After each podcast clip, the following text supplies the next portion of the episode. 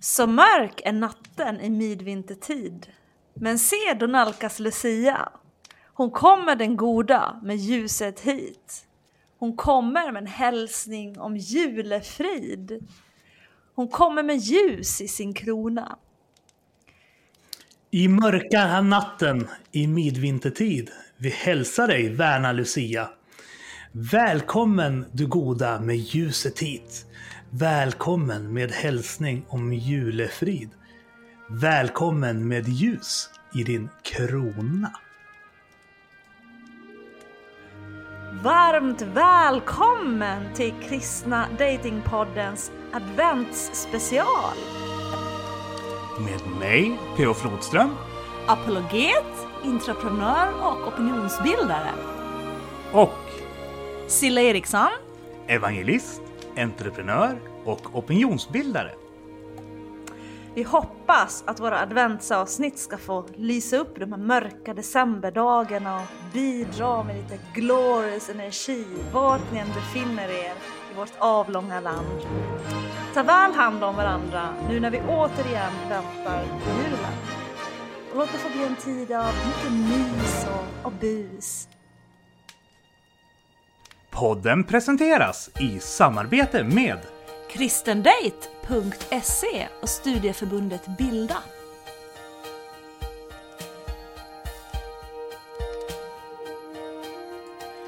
Välsignad tredje advent så vill jag önska er när vi nu åter samlas i kristna datingpoddens nedräkning till julafton.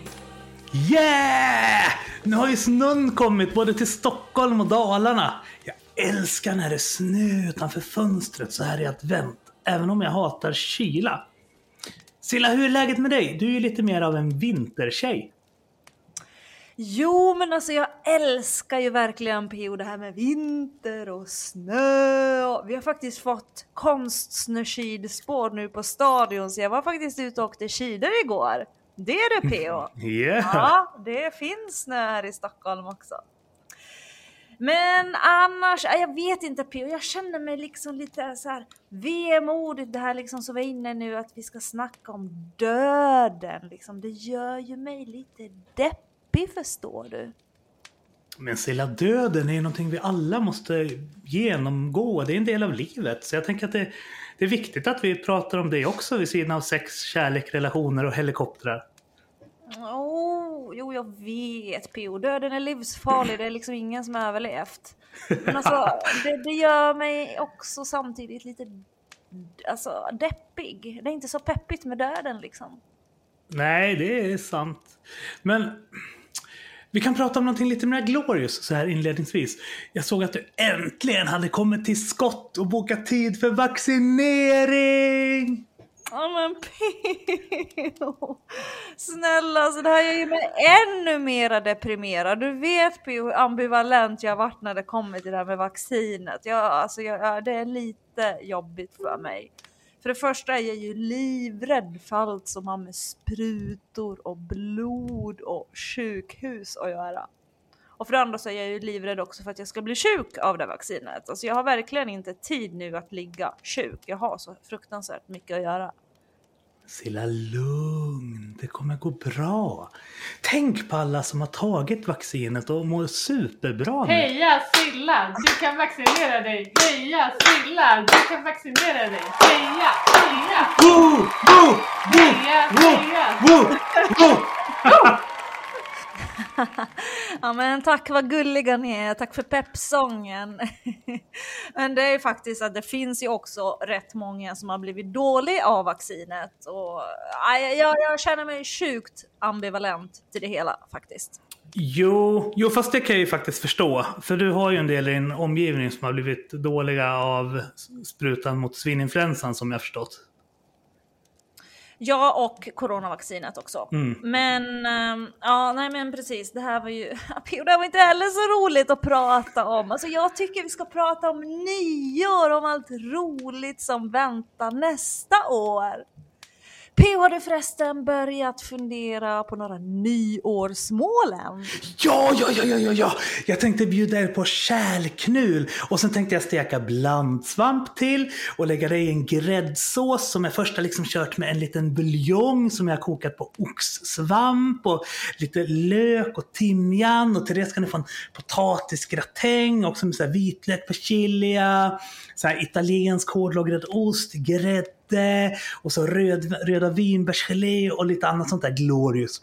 Sen tänkte jag att du och Fritiof kanske kan ta ansvar för förrätten, så gör Kristin efterrätten. För när du gör den så blir den ju utan socker. ja, P.O. allt det här låter ju helt glorious, fast nu var det ju inte sådana mål jag menade, utan visioner för det kommande året. Och dessutom så har du ju själv sagt att du älskade min sockerfria tårta som jag gjorde till dig på din födelsedag. Ja, men det är sant. Den var supergod. Men hmm, mål för 2022? Ähm, sälja huset, gifta mig med Kristin, köpa hus i Stockholm med Kristin och hitta ett kul och stimulerande jobb där. Du då Silla?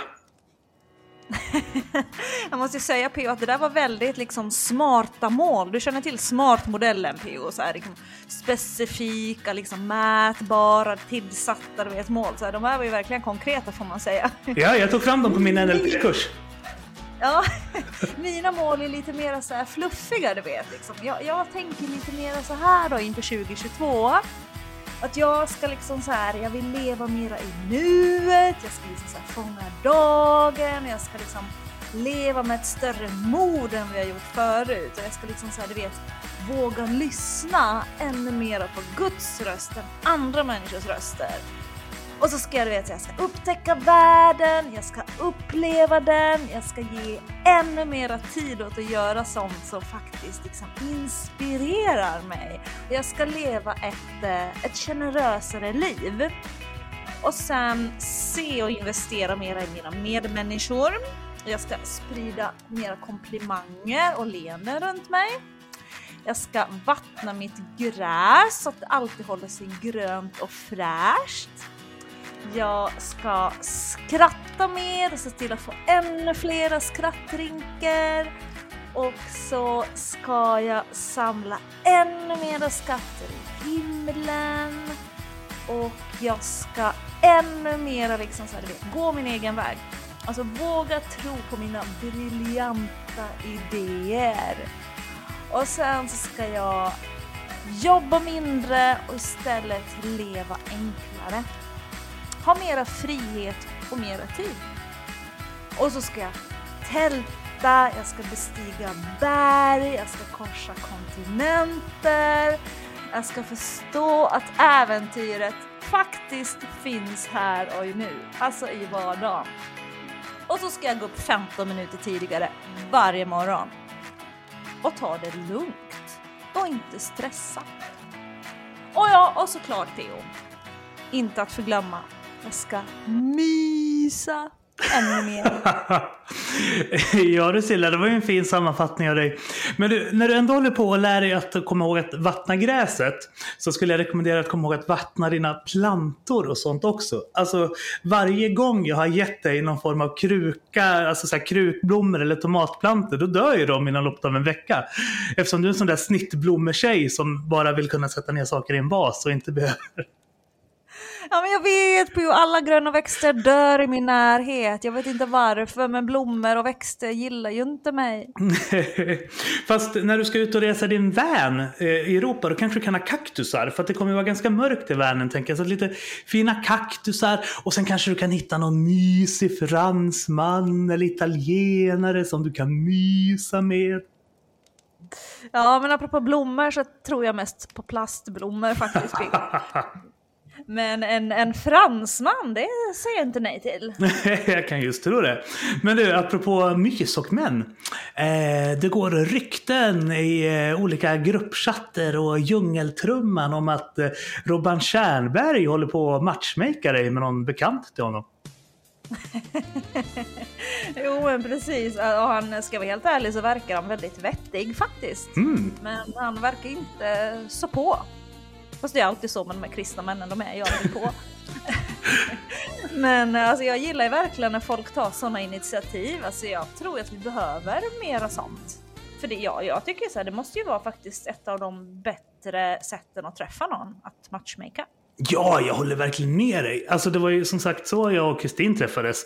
Så du får väl peppa Jenny för att göra en insats ifall Robban inte lyckas leverera. ja, jag tycker fortfarande att du och jag P.O. borde starta på en matchmakingbyrå. Alltså det vore helt glorious. Du och jag så här intervjuar folk och sen så tar vi fram en profil och sen så ger vi dem ett antal blind dater. Alltså jag skulle tycka det var hur kul som helst. Ja, men jag med, absolut. Det låter helt glorious. Eh, vi kanske ska kalla det för Glorious Dating by P.O. och Silla. Ja Pio! I'm in! Alltså det kommer bli, det kommer bli årets liksom, det kommer bli helt fantastiskt Pio. Jag, jag tror verkligen på riktigt att det vore eh, jätte, jättebra. Så I'm in! Men du, apropå det här med mys så måste jag säga att det har varit alldeles för lite mys i år. Alltså 2022 måste bli mysigare.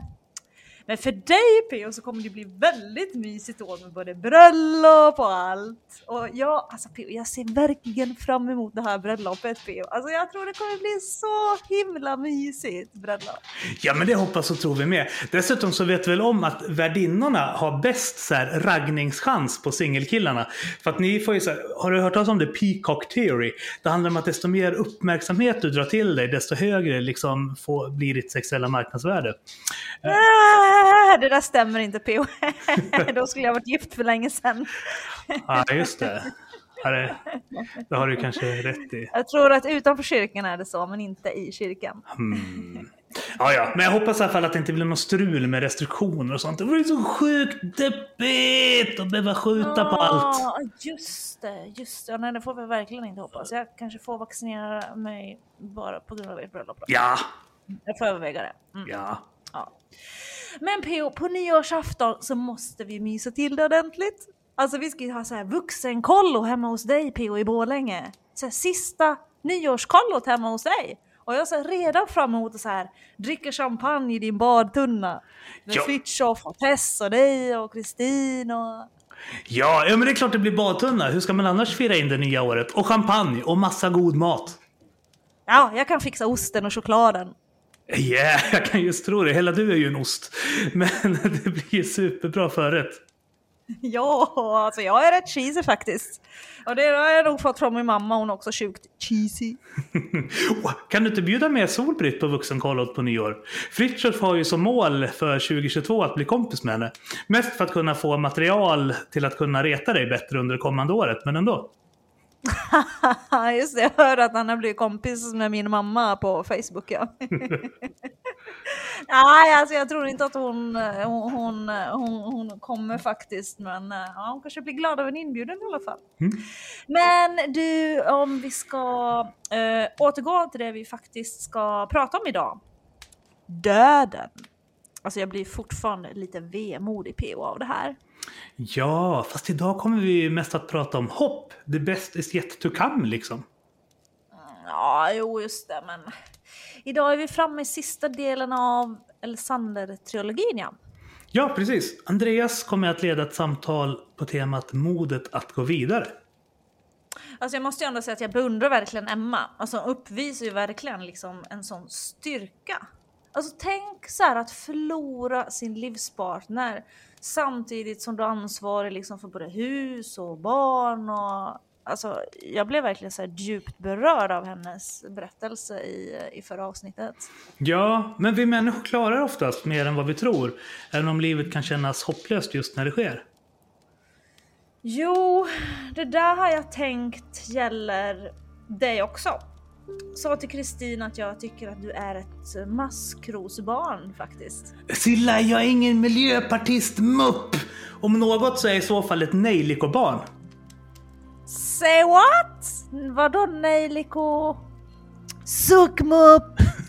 Alltså, Det här har ingenting med partipolitik att göra P.O. Så börja inte kalla mig för ett blåklintsbarn nu. ja, nej, det är lugnt. Ditt parti representeras ju numera av en inte så glorious blå jättedildo dessutom. Jag är moderat har jag ju sagt. Jag läste någonstans att vårt partiblom är antagligen Malmo eller Solros på grund av att vi är ett parti för tillväxt. Men det var inte min poäng. Suck PO. Sluta in oss på stickspår hela tiden. Ja, kör. Fast det var faktiskt du som antydde att jag var en miljöpartist-mupp. Nej, alltså maskrosbarn sa jag. Det betyder en person som kommer igen och tränger igenom asfalten. Jag försökte ge dig en komplimang. Att du liksom är så stark och att du tar dig igenom tuffa saker i livet. Men du ska ju bara muppa dig hela tiden. Okej, Piff. Varsågod Puff. Men du vet vad det är som har gett dig styrkan att komma tillbaka efter varje livskris va? Ja, den där frågan vet du ju redan svaret på. Jo, men jag tycker det är mysigt att höra dig säga det högt. Men Jesus såklart! Att kunna vila i hans trygga famn även genom livets motgångar. Jag brukar ju ofta prata om det, att jag inte tycker att det svenska begreppet tro är helt lyckat. Eftersom det för min del inte handlar så mycket om olika dogmer eller ens försanthållanden. Jag föredrar de engelska begreppen faith och believe. Vilket på svenska blir vad vi liksom lutar mot när det stormar. Vart vi sätter vårt hopp och tilltro till. Med den definitionen tänker jag att det tydliggör dessutom att alla människor är troende på något sätt. För alla människor sätter sitt hopp och tilltro till något i livet och där väljer jag att luta mot Gud. Preach it PO! Alltså Bibeln är verkligen så här full av just det du talar om. Alltså ta, så här, ta bara Paulus liv om hur han hela tiden vilade i Gud, Gud liksom så här. Trots alla de motgångar han mötte, eller jobb. Alltså en av de vackraste passagerna i Bibeln handlar ju om just det. Alltså en lovsång som kung David skrev. Alltså du, jag, jag måste ju bara få läsa den här för våra lyssnare. Alltså psalm 23. Alltså det här är en av mina absoluta favoritsalmer i hela bibeln. Okej. Okay. Herren är min herde. Mig ska ingenting fattas. Han låter mig vila på gröna ängar. Han för mig till vatten där jag finner ro. Han ger liv åt min själ och han leder mig på rätta vägar för sitt namns skull. Även om jag vandrar i dödsskuggans dal så fruktar jag ingenting ont. För du är med mig, din käpp och din stav tröstar mig. Du dukar för mig ett bord i mina fienders åsyn. Du smörjer mitt huvud med olja och låter min bägare bara flöda över. Ja, godhet och nåd ska följa mig i alla mina livsdagar och jag ska bo i Herrens hus för alltid. Yeah, det är en av många favoritbibelverser ur det gamla förbundets texter dessutom. Eh, Ibland kan vi kristna dras med i de gnostiska tankeströmningar som Markion företrädde kring 100-talet och sedan hallucinerna populariserade på 1600-talet. Ja, jo, jag vet vad du menar P.O. men du kan inte förutsätta att våra lyssnare gör det när du namedroppar en massa gamla gubbar som definitivt inte hade blåglansiga skjortor. ja, men det jag menar är att jag tycker att vi ibland känner oss så främmande inför våra judiska rötter att vi nästan börjar betrakta den Gud som möter oss i Gamla Testamentet som ond och väsensskild från Jesus. Ja, ah, just det. Markinolismen, ja. Jag läste om den på ALT tror jag det var. De godkänner ju enbart en egenredigerad version av evangeliet enligt Lukas, apostlärningarna och ett tiotal av Paulus brev. Medan de avvisar allt annat. Likt många av gnostikerna ansåg Markion att eh, all materia var ond.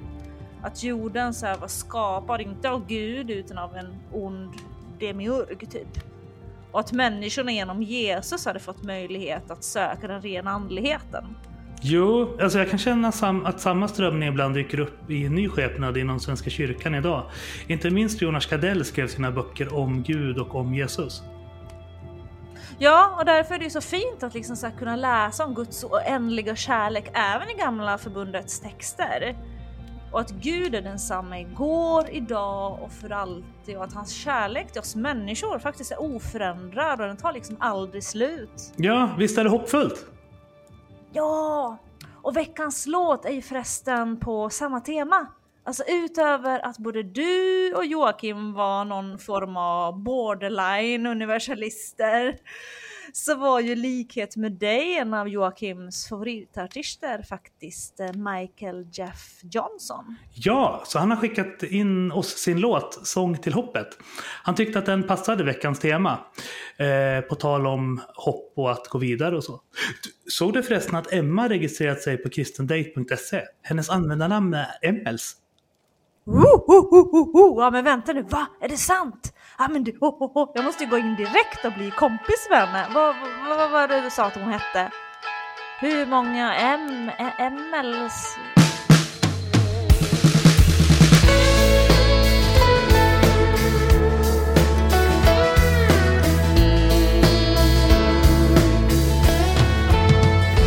Utanför fönstret rusar världen förbi Jag tänker sitta här en stund för denna morgon är något annat än alla andra morgnar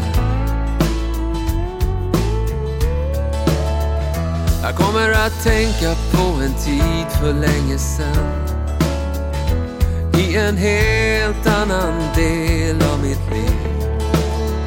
Stora städer, stora drömmar och en människas ensamhet.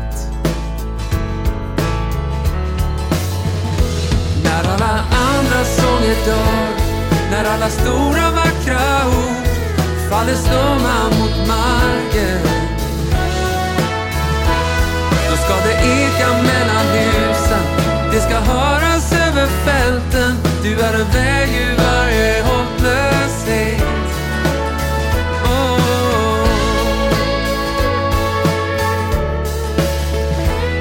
Jag lärde känna nya människor och mig själv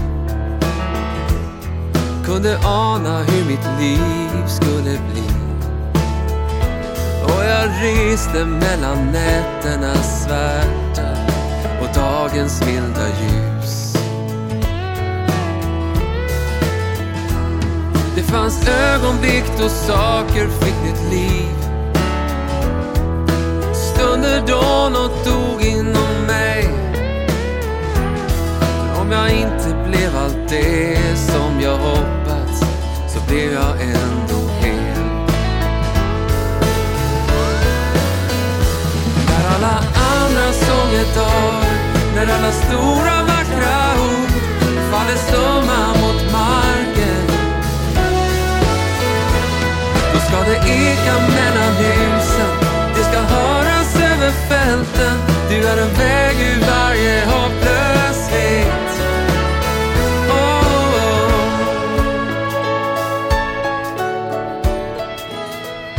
så länge sedan ljuset i rummet kändes lika övertygande som nu. Det var så länge sen jag vågade tänka utan någon garanti. Det var så länge sedan allt kändes verkligt. Lika ärligt utan omsvep och skydd. Denna morgon kommer sakta försvinna men du stannar alltid kvar. Men du stannar alltid kvar. Ja, du stannar alltid kvar.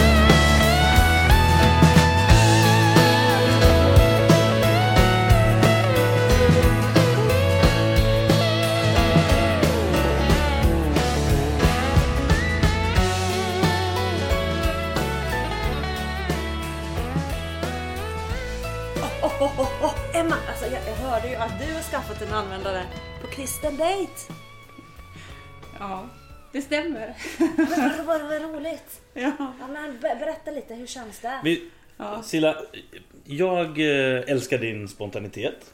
Jag vet att många inte älskar den, men jag älskar den. Jag älskar spontana människor. Eh, Det som jag dock skulle vilja göra är att landa där, fast kanske börja lite från början. Är det okej? Ja, ja, ja absolut. Ja. Börja från början. Ja, ja, nice. Vi pratade ju förra gången och då pratade vi om eh, din sorgebearbetning och att du gick tillbaks till, eh, till jobbet och, och sådär. Och sen, och vi tänkte ha fokus nu liksom, just det här att komma ur sorgen.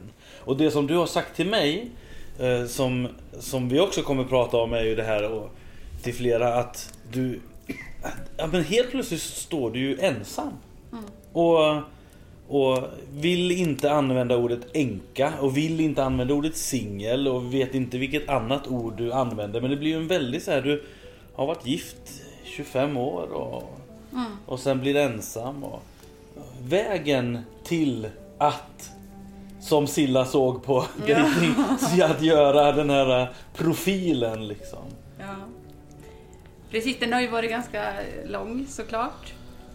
Eh, och, och den började ju, alltså den började ju såklart på en gång. Att man, nu skulle jag ta alla besluten själv. För vi, vi var ju gifta i 25 år som sagt. Och vi hade ju, jag menar det är ju som man är i ett äktenskap så lever man ju tillsammans och man stöter och blöter saker med varandra och sådär. Så det, så var det ju verkligen. Och nu helt plötsligt så skulle jag ta egna beslut och, och ja, göra saker för mig själv bara. Och det är ju så att... Men ganska snart så, så kände jag ju det, det här att ja, jag är änka, men jag vill egentligen inte... Jag, alltså en änka, då tänker man ju på en, en gammal kvinna som... Och jag kände mig inte, jag är inte gammal. Jag är inte, mitt liv är inte slut. Det, det tänkte jag väldigt tidigt så. Och samtidigt så kände jag mig ju inte riktigt så, jag kunde inte identifiera mig riktigt med, med singlar heller för att jag har ju en, en historia med mig i mitt liv liksom som, som inte är som, som kanske en, en singel direkt heller. Så därför så saknar jag ett ord. Kan vi uppfinna ett nytt? Singelänka eller någonting? Jag vet Ja, inte. precis. Ja. Men det är inte så att du vill göra som Carola och sätta på dig en lysande blinkande tröja som det står singel på? Nej. Nej. Nej, riktigt så har det nog inte blivit. Utan det är mer att man måste börja och leta sig sin väg framåt. Och då är det ju inte... ehm, ja, då får man ju ta olika små steg. Och, och ett sånt steg var ju till exempel att jag tog av mig mina ringar. Och det gjorde jag ganska nästan som en ritual kände jag sådär att jag hade liksom tänkt vissa tankar och gjort liksom klart och sagt eh, ordentligt tack och hej då eller liksom så till Joakim och sen så tog jag av mig ringarna och men sen kände jag så här, men ska jag bara ha dem liggandes i en byrålåda? Hur kom det innan du berättade vad, som, vad du gjorde med ringarna? Mm. Vad, hur, vad var motivationen till att ta av dem? Var, varför tog du av ringarna? Ja, men jag kände, det var väl den där känslan att jag faktiskt inte, jag är inte gift. Han lever inte längre. Ja. Så det var väl den känslan som jag hade med mig då. Och då, ja, Har du, har du tänkt liksom, när du har gjort sådana val och så, har du funderat så här, vad skulle Jocke tänka om det här? Eller, alltså har du liksom förhållit dig till om han skulle ha varit kvar på något sätt? I saker du gjorde efteråt? Alltså nu är han borta, tänkte du så här, kan jag göra det här? Vad skulle Jocke, alltså, är du med vad jag menar? Eller var det så här, "Ah, han är borta nu, nu bestämmer jag helt själv. Eller tänkte du så här, "Ah, vad skulle Jocke ha tänkt i det här bygget? Alltså, förstår du lite vad jag fiskar efter? Ja. Nej, men jag, jag har nog tänkt att nu måste jag ta egna beslut i det här. Eh, Men sen vet jag ju att han, han sa ju det. Sörj, såklart sörj, sa han ju. Men jag vill att ni ska fortsätta leva. Så det har jag ju haft med mig hela tiden. Jag har inte varit orolig för att han skulle liksom på något sätt, eller tyckt någonting att jag... Jag tror han hade haft fullt förtroende för att jag skötte det här på ett så bra sätt liksom. Så har du liksom aldrig känt att du har dåligt samvete för saker efteråt? Nej, faktiskt, nej, faktiskt inte. Jag har inte haft det. Nej. Ja, det var gott att höra. Ursäkta. Martin, Martin Horsman, det var en jättebra fråga. Berätta nu, Ja. vad gjorde du då med ringarna? Du ville Ja. inte lägga dem i en byrålåda? Nej, och jag tänkte att jag har ju fyra döttrar så jag kan inte liksom heller ge dem till en, min dotter så. Eh, och jag kände att jag på något sätt så ville jag ha dem med mig också. Så att jag gick till en guld... Vad heter det? Juvelerare? Guldsmed. Guldsmed. Och så sa jag så här, här har jag de här ringarna och jag skulle vilja ha dem till ett smycke. Ja okej sa hon och så fick jag med lite tips och rå, eller fick jag välja och så att nu har jag gjort dem till ett hjärta. Och det här är ju liksom Joakims för, hans ring så att hans, det graverat finns, det finns kvar här inuti. Och sen är det min liksom, vigselring som är, sitter som ett, eh, ja som en över hjärtat. över hjärtat. Mm. Så att, och det känns som ett jätte, jättevärdefullt och jättefint att ha kvar. Mm. Det är väldigt vackert. Mm. Så det... Var du, var du över då? När du tog av dig ringarna, Mm. kände du att eh, nu, nu går jag vidare?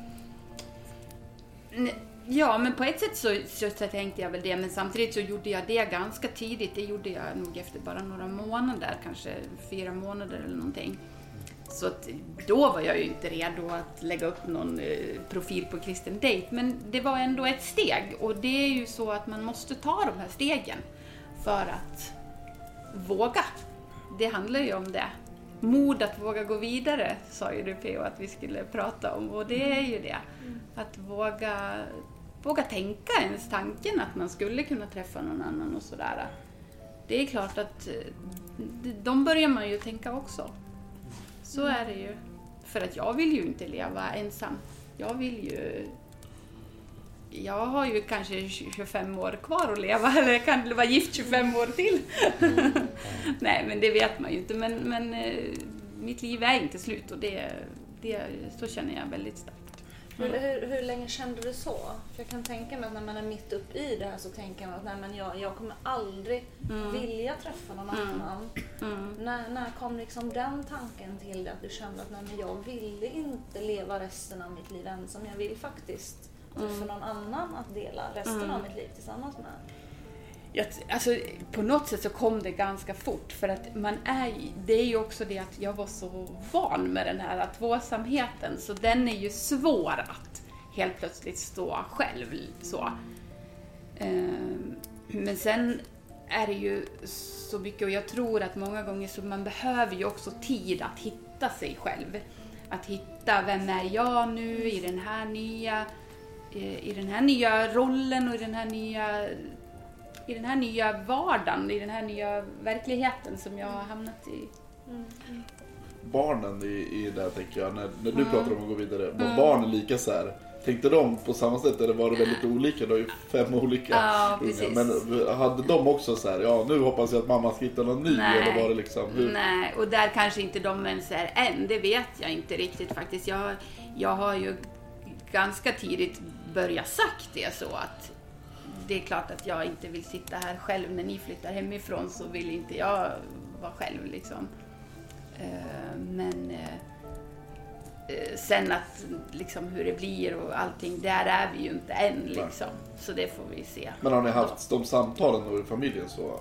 Ja, lite grann, lite olika med de olika barnen och lite beroende på åldrar så att man kan ändå. Men jag har ändå sagt det sådär att det, det var nog faktiskt en midsommar, det kan jag ju faktiskt berätta om, det tyckte jag var lite kul. Det var en midsommar som eh, barnen var ute och skulle plocka blommor, de skulle ju drömma om den de skulle gifta sig med. Och då så sa jag till barnen, men kan ni inte plocka sju, sju sorters blommor till mig också?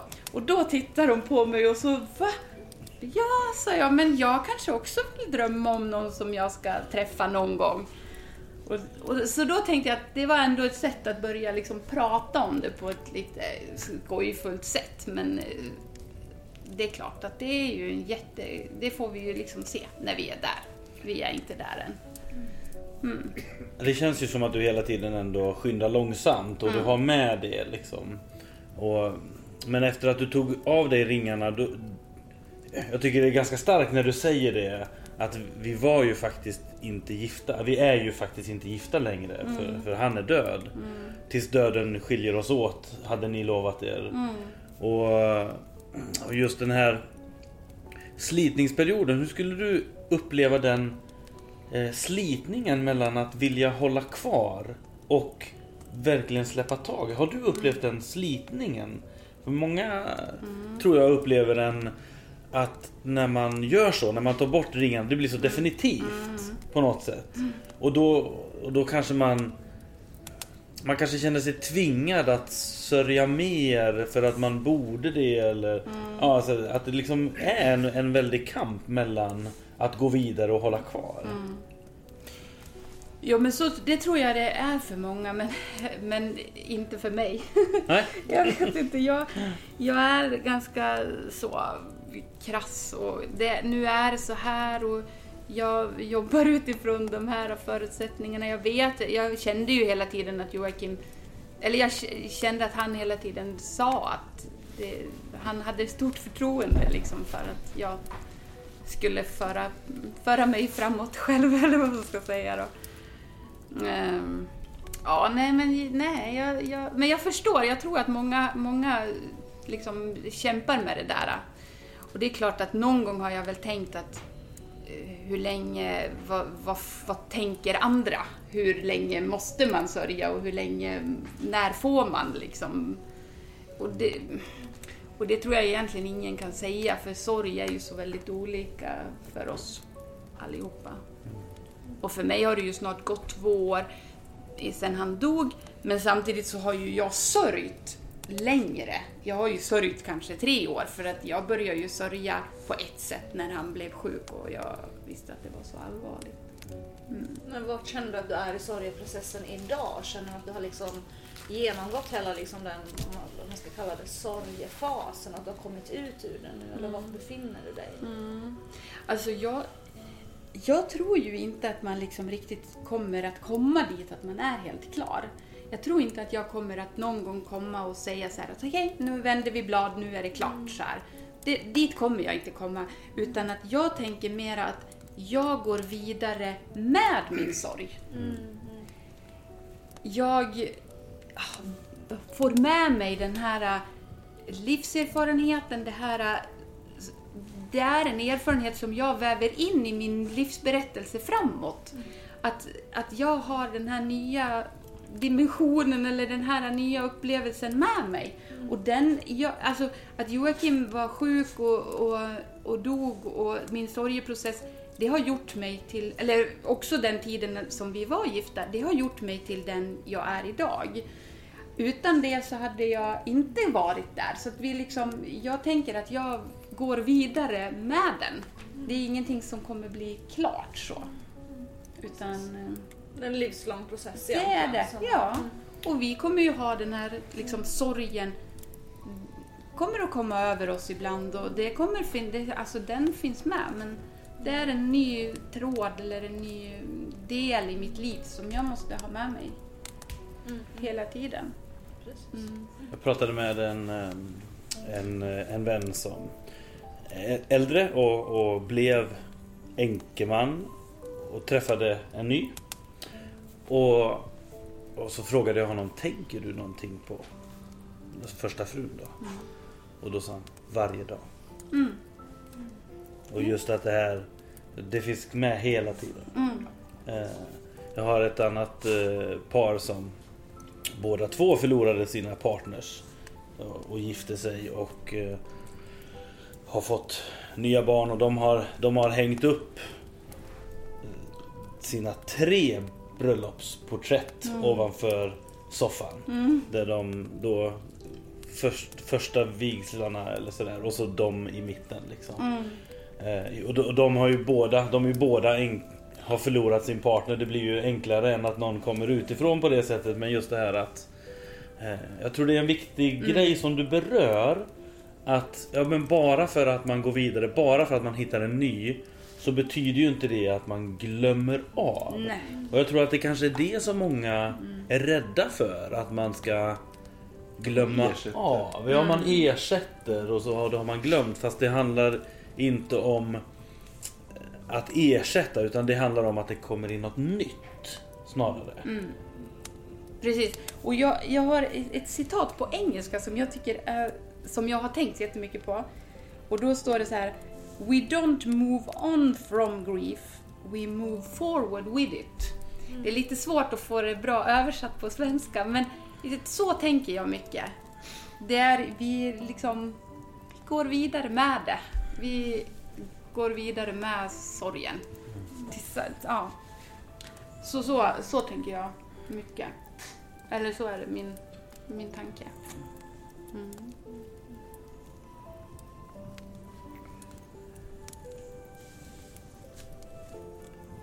Så nu har du startat kontot på Kristna Datingpodden. Jag förstår att det är dit ni vill komma. Nej, men, ja, det, Silla vill ju komma dit.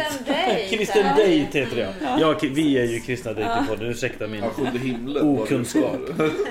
Ja men det finns så mycket. Ja. Men just det här, det, för det är ju också man definitivt, det är ju liksom, ja men nu så här, Även fast du inte vill hitta, du räknar ju inte med att hitta någon oh, direkt liksom. Men snarare öppna upp då. För det blir väl en någon sorts eller jag ska Det formulera det en- som en ja. fråga, det blir Ja. som ett statement för dig själv eller? Hur? Ja, men lite så att, att ändå våga börja tänka tanken. Jag måste ju på något sätt börja och för mig har det varit väldigt, väldigt eh, eh, lärorikt också. Om att hitta mig själv, för det handlar ju om det. Vem är jag nu? Vem, var vill jag vara? Var, vem är jag nu? Och, och vad är viktigt för mig? Och, och det har jag ju lärt mig jättemycket genom att skriva med olika, prata med olika eh, personer. Så, så har jag fått bearbeta och fundera, vem är jag? Du berättade ju tidigare när vi satt och åt middag att eh, du och Joakim, ni hade ju varit tillsammans sedan du var 16 år. Eh, Så att nu när du ska lära dig vara singel igen så är det liksom som nu när Kristin håller på att lära mig köra bil. Jag Ja. tänka mig att det här är ännu, ett ännu större projekt. Ja. Eh, Men vad är din bild av hur liksom, de sociala reglerna på den kristna singelmarknaden? Jag vet Ja. Silla, du tycker att den inte fungerar som den sekulära singelmarknaden och att eh, det finns mycket som du ställer lite frågande till eftersom du har varit kristen i åtta år ungefär, eller tio år nu. Nej, åtta år blir det. Ja. Precis. Om vi tar en liten så här generationsspaning Ja. från när du var 16 år kontra nu när du är 47. Mm. Hur skulle du säga att den kristna singelmarknaden har förändrats? Det var ju en spännande fråga. Ja, alltså det är ju så att när man är i min ålder och i min situation så har man ju en större ryggsäck med sig. Det kan man ju inte liksom sticka under stolen med. Jag menar, jag kanske inte har superlätt att... Eh, jag har ju mina barn. De måste ju också vara med på tåget. Jag kan ju inte bara bestämma mig, nu flyttar jag till Haparanda och eh, börjar mitt nya liv. För att det kanske jag egentligen skulle vilja om jag bara skulle tänka på mig själv. Så det är väl en stor grej, men jag har ju inte så mycket erfarenhet av den där Alltså då var man ju ung och då tänkte man ju att hela världen låg öppen och man kunde välja fritt när man är 16 år. Då är det ju liksom... Martin brukar säga åk till Örebro, ta med dig några killar därifrån och så tar du hem dem och så dejtar du dem och sen så skickar du hem dem du är missnöjd med. Och där har du ju gett mig också P och det funkar inte. Har du prövat. Martins tips och det funkar inte? Ja, vi har väl funkat. Det, det, jag har ju testat något sånt här en gång. Kommer du ihåg det? Åkte vi till. Örebro? Ja, vi tog hit dem. Det var det. Jaha, Men det okej. gick sådär. Ja, deppigt. Martin vad säger du om det? Eller hade du något annat på ditt hjärta? Ja men jag bara funderar på hur man gör rent praktiskt Ja. nu. eh, För, för jag tänker så här hur man gör när man är lite yngre och, och inte är, om, om man säger det, änka då, och allt det här och barn så, i alla möjliga åldrar liksom. Då tänker jag, hur, hur rent praktiskt gör man? Ja, hur gör man? Jag vet inte, kan du tala om? Ja, det jag här- vet inte. Ja, det här är jättesvårt ju. Nej, jag skulle tänker, för jag tänker det här med att vara singel också. Eh, eh, om man tänker singelmarknaden som vi har pratat om, den kristna singelmarknaden. Man säger. Det är ju något som bland unga vuxna som är på ett sätt. Eh, att, att i medelålder så, då blir det ju något helt annat. Och många, om de har varit singlar hela livet, om, ursäkta nu, nu det, ni får ingen skit för det här, så de får skicka det till mig då. Men det är ju så här, det är ju många weirdos. Har man varit singel i 50 år, då är man ju kanske lite eljest. Annars har man inte varit typ. Ja men det kan ju vara så. Det, är väl inte... Det, det kan vara så, Ja, det behöver inte nej, nej, vara så. Det finns säkert jättefina människor som varit singel i 50 Ja, år också. Men, men alltså. jag tänker att risken för att de eljest är kanske högre. Än, Får än väl vara om lite de är 25. försiktig då. Men alltså när, när, Ja. när det gäller liksom val av liksom partner, hur tänker du där? Tänker du så att du vill träffa någon som är lite då i samma livssituation? Ja, eh, som också har förlorat en partner? Eller känner du liksom att du skulle kunna ha någon som inte har liksom samma ba- relationsbakgrunden som du själv har? Ibland så tänker jag så att jag behöver nog träffa en, en enkeman. Men det som är det viktigaste, det är ju att den jag träffar kan ha med sig Joakim också. Eller alltså vetskapen om att han har funnits, att han är viktig person liksom. Den måste ju den kunna hantera. Det kan ju inte vara någon som säger att det där glömmer vi bort och, och nu går vi vidare utan honom. Så, det, så är det ju. Det måste ju vara någon klok människa. Ja. Men är inte det så egentligen i alla former, Pio? Du som har haft en relation, varit gift i åtta år. Du har ju ändå med dig väldigt många erfarenheter. Du har lärt dig mycket och sådär. Och på något sätt att Kristin kanske behöver acceptera att det är så. Att ni inte bara glömmer av den delen. Eller hur känner du det? Vill du bara sopa bort den delen eller? Nej men där skulle jag säga att du var en bra hjälp. Eh, för att eh, jag behövde ju landa i att relationen var, var över. Eh, och att det var okej för mig att sluta kämpa för den eftersom den andra parten inte var intresserad av det. Och det vart ju hela tiden svårare för mig när jag träffade på andra kristna. Jag ringde dig en gång när jag hade varit i Gävle till exempel. Eh, och en kristen profil hade sagt så att i Guds ögon är fortfarande gifta för att, eh, och bön kan försätta... Ja men du vet. Här. Ja, jag kommer ihåg det Ja, samtalet. ja.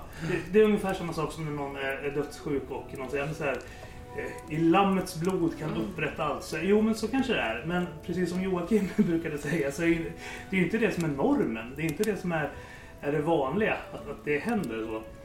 Eh, Men, men då ringde jag dig och då, och då sa jag alltså så här, att höra någon annan säga det som jag då försökte lära mig att acceptera Samtidigt som jag fick ju bekräftelse för min egen syn när någon sa att så här, i Guds ögon är fortfarande gifta. Samtidigt som det blev en så här inre konflikt i mig. För det var någon som sa också, ja men ingen av er har ju haft sex med någon annan än så då är ni ju gifta fortfarande. Vilket gjorde att jag började fundera, så här, lips eller lion bar? Vilken ska vi ta? Ja men alltså. Eh, för att jag så här, behövde hitta sätt att så här, ta mig vidare. Jag kunde inte sitta fast i det här träsket av, av ångest och minnen som bara var smärtsamma. Så. Eh, och det pratade ju och Martin om i, i natt också. Att så här, jag tror inte förrän jag kan, kanske nu börjar förstå hur, hur smärtsamma de, de situationerna var förrän du på, påtalade det i natt. Så. Eh, och när du uttalade också att så här, ja, men, ditt äktenskap är över, känn frid i att gå vidare. Så. Eh, och sen två månader senare så började ju Silla skärmdumpa meddelanden från Jennifer som handlade om Kristin. Om den mystiska Ja. K. Ja, Men det kanske var lite det som jag gjorde då när jag tog av mig ringarna. Liksom. Mm. Att jag ändå kom dit, att nu är det okej. liksom. Att man kanske behöver sådana ritualer Mm. även om man skiljer sig. Mm, mm. Ja, för att för mig var processen och känslan ganska lik den när mamma dog i cancer. Att, eh, jag berättade för dig tidigare när jag tog och lagade mat att eh, cancerbehandlingen var ju hela tiden att hon var jättedålig av behandlingen och sen så var hon bättre men hon var aldrig riktigt lika bra som hon hade varit innan. Och så kände jag att mitt eh, tidigare äktenskap också var att hela tiden den högsta nivån sänktes hela tiden. Eh, och det är sånt som jag inte riktigt heller har sett fullt ut förrän nu när jag har pratat med bisittare. Med Martin. bisi- ja, men, med, med, med Martin och, och sådana som Martin som Mm. liksom har funnits med runt om. Så.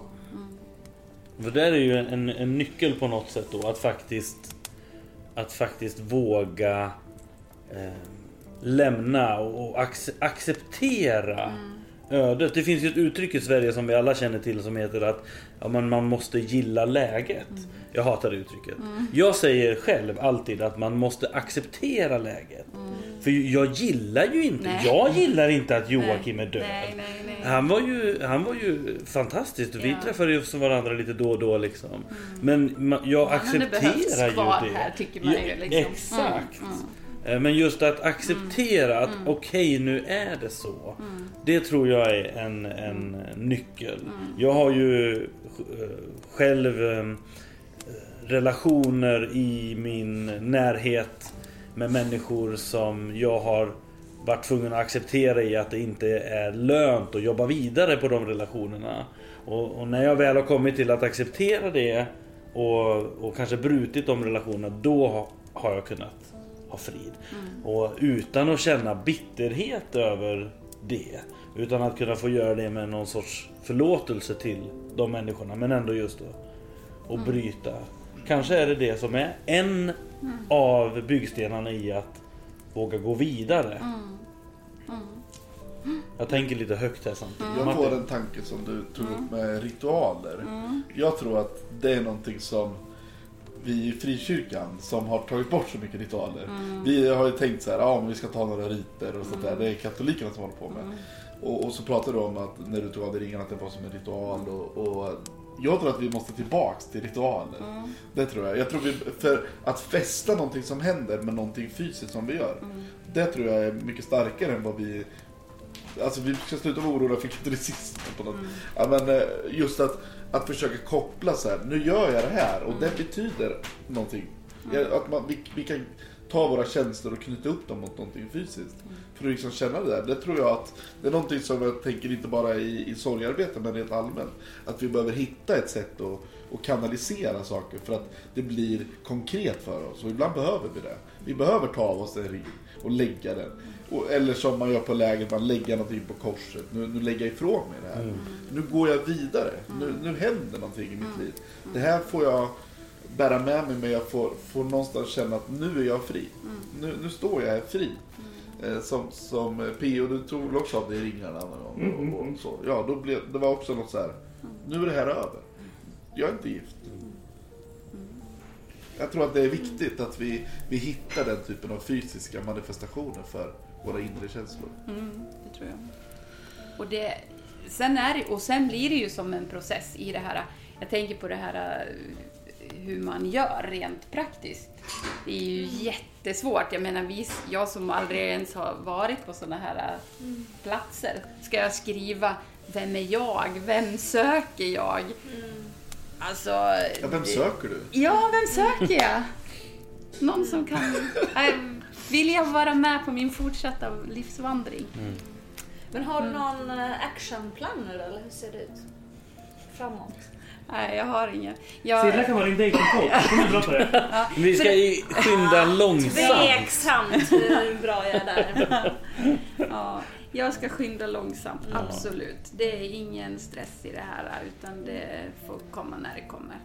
Jag tänker att, som jag förstår dig, att skapa en profil eh, handlar mer om att våga öppna upp för framtiden. Ja. Än att faktiskt verkligen vilja ha någon nu. Ja. Mycket så är det faktiskt. Och också att eh, sen har jag ju väldigt svårt att, att tro på det här med, med nätet och sådär. Rent, rent eh, så. Att, för jag tror att man behöver träffas och att det blir ett annat möte när man ses och sådär. Det kan ju bli så eh, om du nu säger att vi, vi spolar fram tiden fem år och så har du hittat någon. Mm. Ja. Då kanske det är du som skriver boken om att dejta efter, Ja. efter 40. eller så. Precis, det blir ju Och skriva så, spännande. så här gör man. Eh, Vi har fått in två frågor eh, från två kollegor till Andreas. eh, Två pingstpastorer, Jaktlund och Brängensjö. Eh, Så vi tänkte spela upp dem så ska du få svara på dem. Ja. Alltså, spontant tänker jag, min, min spontana fråga är, ju lite grann fortsättning på det vi är inne på nu. Alltså vad i det som människor runt omkring gjorde var avgörande saker som hjälpte dig att gå vidare? Alltså liksom vad, vad var stödet runt omkring som blev en hjälp? Liksom? Vad hade du önskat att människor skulle göra eller faktiskt gjorde? Då säger jag sådär. Som hjälpte dig? Det är en fråga. Ja, och då tänker jag, eller vad har de inte gjort? För att de har inte sagt att du ska inte, eller vänta en viss tid eller, eller ta det lugnt eller någonting utan jag tror att eh, det är snarare så att de inte har gjort. Alltså att de inte har sagt att Åh, du måste sörja i fyra år först sen Ja. eller Precis. ja. Ja. ja ja Låtit dig bestämma själv lite. Ja, Det är ju någon och inte form- kanske har, jag vet ju inte, de kanske har tänkt. Nu har jag ju inte börjat dejta någon än så Nej. det vet jag ju inte. Men jag menar, ja. Men det kanske är en fråga att till Andreas också. För du har ju erfarenhet av själavårdande vägledning och människor i kris och sorg och så. Hur, vad är din erfarenhet? Vad är bästa sättet att agera i mötet med en person som har förlorat en nära familjemedlem? En förälder eller ett barn eller en partner eller gått igenom en skilsmässa. Alltså människor i olika livskriser. Vad är ditt råd? För att vi vill ju finnas där för våra medmänniskor men vi vet inte alltid hur. Ja, första rådet är ju att laga mat till dem. Okej? Ja, för det är det man behöver. Alltså så fort någon i ens närhet går igenom en kris, då ska man laga mat till dem. praktiskt. Yes. Pra- ja, och inte liksom... Eh, inte säga så mycket. Utan bara visa praktiskt att man finns där. Och maten är riktigt eh, väsentlig faktiskt. Eh, och sen så tänker jag att en viktig del är att inte projicera sin egen sorgeprocess mot en annan. Så här att man, man, tänk, man kanske har en föreställning över att att okej nu har Emma förlorat sin man, de har varit gifta i 25 år. Då kommer hon behöva sörja och vara superledsen och inte gå tillbaks till jobbet till åtminstone eh, en sex månaders period. Så här. Och, och sådana grejer ska man bara lämna åt sidan. Vi vill ju väldigt ofta säga vad vi själva tycker och vad vi tänker och sånt. Men jag tror att just gentemot en sörjande person så är det viktigaste att man bryr sig. Och att man låter den ha sin egen process. Eh, och sen så vet jag också att eh, man, man ska inte eh, säga till någon Det blir ju generellt det här men man ska inte säga till någon Om du behöver hjälp så finns jag här. Utan man ska hjälpa. Alltså så här, man, man ska komma hem och det, det behöver man ju ha en nära relation då, men man ska komma hem med och säga så här, nu Emma, nu ska jag städa ditt hus. Så här, här har du mat, varsågod. Och, Alltså var verkligen praktiskt och också våga tränga sig på i det. För att de som sörjer Man orkar inte. Nej, och det blir så här. Och om någon, om någon då säger så här. Om du, om du vill prata så finns jag här. Då lägger man en börda på den personen. Och, och då får man dåligt samvete för att man inte har ringt upp den och pratat liksom. För att den var så snäll och erbjöd hjälp. Så jag tycker att just det här att, in, att inte vara i fokus. Utan att det är den andra som är i fokus. Och att verkligen ge bort av sig själv. Det tror jag är väldigt viktigt. Jättebra. Våga störa, våga bara vara där liksom. Ja, jättebra.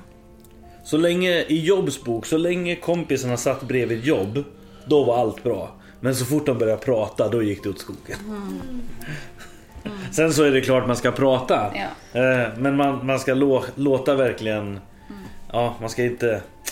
De, Jobs kompisar säger ju liksom ja, men det här har ju hänt dig för att du har dålig tro. Så de säger saker till Jobb som inte är sant. Och Jobb helt plötsligt från att ha förlorat allting så ska han sitta och försvara sig. Och om, om man nu lyssnar på det här avsnittet till exempel och så vill man skicka ett mail till Emma och skriva Det är för tidigt. Tänk på dina barn. Och, och sådär. Ja men gör inte det. Nej. För det har inte du med att göra. Utan det här är Emmas liv och hon tar det med sina barn. Och just det, lev ditt liv du.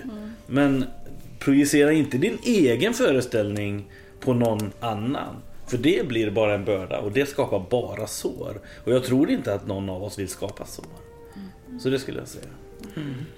Ska vi ta nästa fråga? Ja. Hur går man vidare men ändå stannar kvar? Ehm, alltså med att, att liksom lära sig leva med liksom i, alltså, vad, hur gör hon för att vårda eh, varmt vårda och bevara Joakims minne? Eh, för det är Joakim Kim vi pratade om. Ja. Eh, att, så att, att det är liksom, för det, det är ju en verkligen en, en klurighet i de bitarna. Liksom. Man vill gå vidare men det vill man ju inte också. Man vill ju liksom, eh, hon ville ju att han skulle varit i- fortsatt i livet liksom. Just den här balansen mellan att liksom gå vidare och att faktiskt stanna kvar. Liksom. Hur, hur gör man den i, i liksom praktiken? Det är en väldigt svår och konstig fråga kanske men jag tror hon kanske förstår vad jag menar. Den där skulle vi fått innan programmet, för den där frågan har vi ju svarat på redan.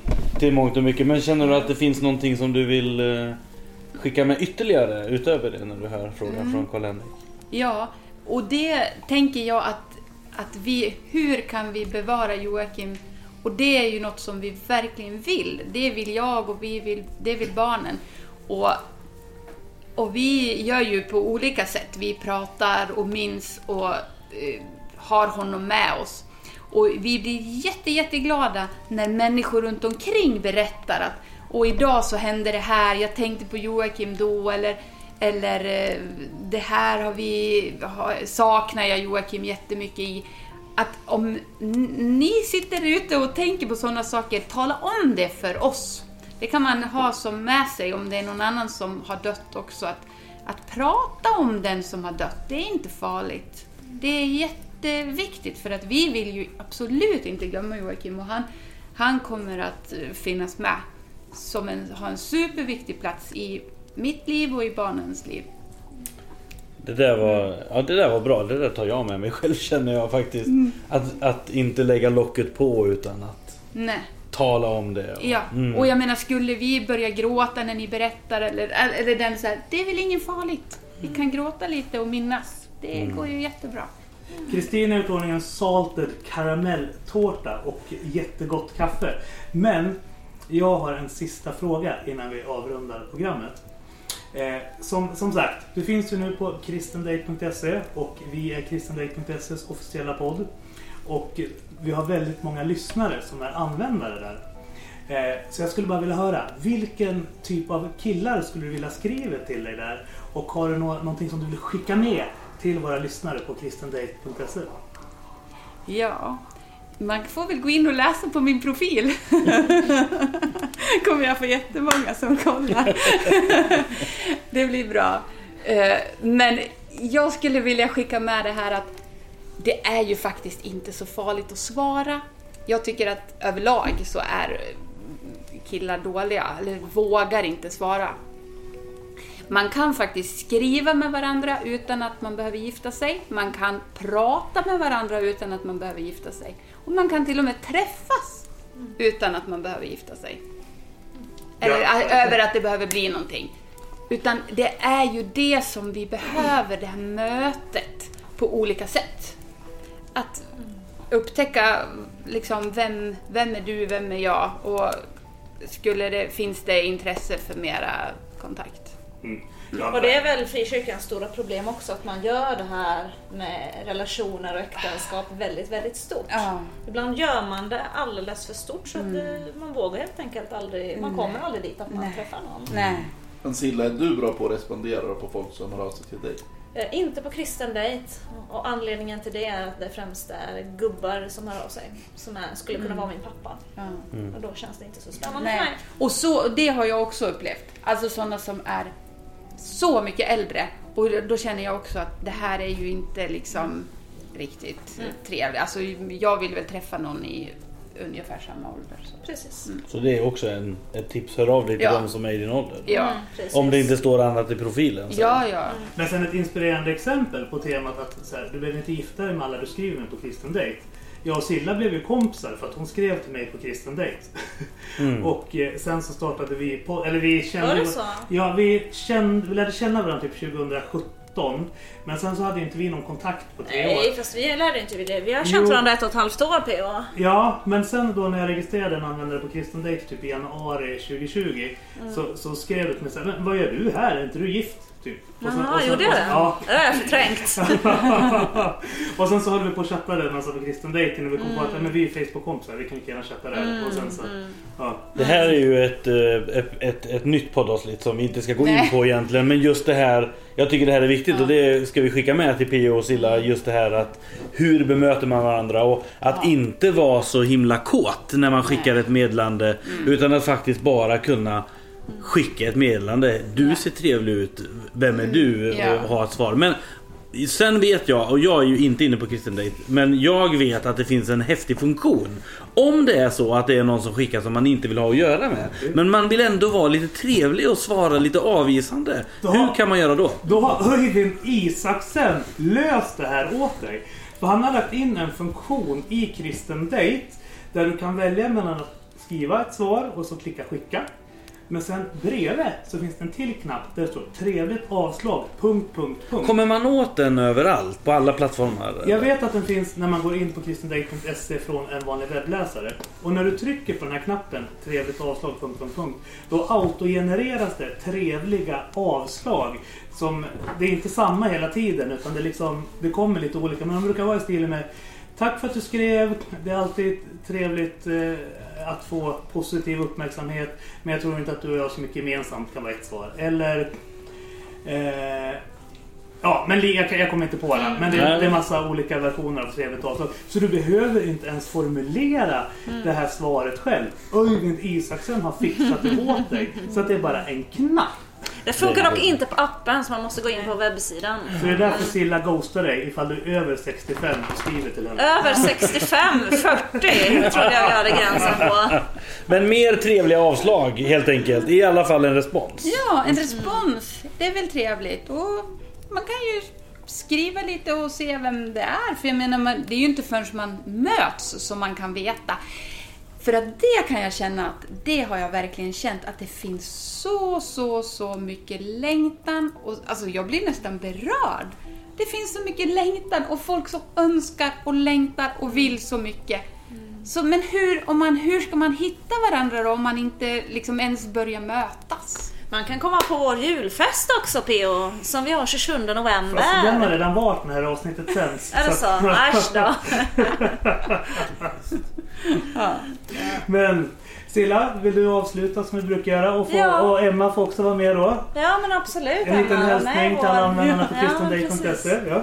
Ja men då avslutar vi som vi brukar med våra kära fina lyssnare. En stor puss och kram!